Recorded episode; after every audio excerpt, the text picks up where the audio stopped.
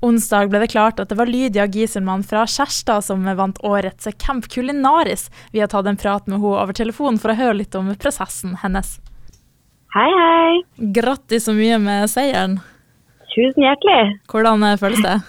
Det føles eh, godt. Eh, jeg har jo visst det en stund, men det er vel likevel eh, noe nytt nå som er på en måte offentlig. Ja. Hadde du trua før du kom inn i konkurransen at du kunne vinne hele greia? Det var 50% sjanse. Men eh, det var umulig å si da vi sto der, fordi med en gang vi hadde servert til Kjartan og meddommerne, så var det jo rett inn på kjøkkenet og styr videre. Så jeg har jo egentlig ikke hørt hva som ble sagt der ute før jeg så episoden i går. Så nei, jeg tror det var nok eh, en jevn kamp. Da hadde, ser man jo at eh, det var ikke lett. Hvordan har prosessen vært? da? Var det slitsomt å være på kjøkkenet? Hvor lenge var dere hver dag på kjøkkenet, egentlig? Kjøkkenet var åpent og tilgjengelig ni til åtte hver dag. Eh, og da var vi jo der ni til åtte. Så eh, det var jo opp klokka ja, kamera i trynet før vi har stått opp. Og så komme oss av gårde til kjøkkenet og jobbe på spreng, og så ned tilbake på hytta. og filme mer og lage mat til oss sjøl. Vi hadde jo rakk jo ikke å spise på kjøkkenet. så Nei. Det er litt sånn selvmotsigende å være i et matprogram og så nærmest ikke rekke å spise sjøl. Ja, ikke sant. Hvordan eh, var prosessen da? Ble dere alle sammen gode venner? Det var jo nesten ikke noe sånn beef utenom litt sånn sabotasje, spekulasjoner da. Ja, nei, jeg syns det var en uh, veldig flott gjeng. Jeg hadde ja, det, det er de beste Jeg hadde the best time of my life, kan man si. Vi var så gode mot hverandre alle sammen så, og hjalp hverandre selv om det var konkurranse. Så det var ikke noe Vi, vi heia på hverandre og gjorde vårt beste sjøl, selv, selvfølgelig. Men ikke til, til, på bekostning av å være gode med hverandre. Og det så ut som dere hadde mye morsomt. Hva er ditt eh, beste minne da, fra hele perioden? Oi, det er vanskelig å velge et minne. Mm, tror at altså, et minne alene er jo bare den gode stemninga og viben vi hadde. Det er jo ikke gitt at man bare plasserer masse folk som ikke kjenner hverandre, oppå hverandre og håper at det skal gå bra.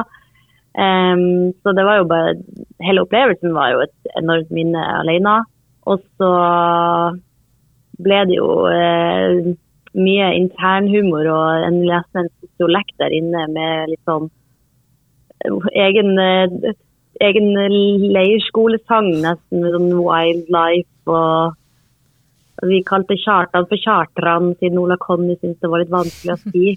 Ja. Så vi fikk litt sånn eh, litt sånn intern humor og litt, kanskje litt sånn overlevelsesgreie, jeg vet ikke. Men jeg følte jo etterpå, etter hvert at det var man burde omdøpt eh, programmet til Camp Kultinaris. Det var jo litt som å være på, på en leirskole. Um, og så satt vi jo gjerne oppe seint på kveld og snakka og hadde samtaler og løste kryssord og var på krabbefiske. Det var jo uh, fantastisk, det òg. Og Kjartan da, var han uh, så skummel som han uh, framsto på TV?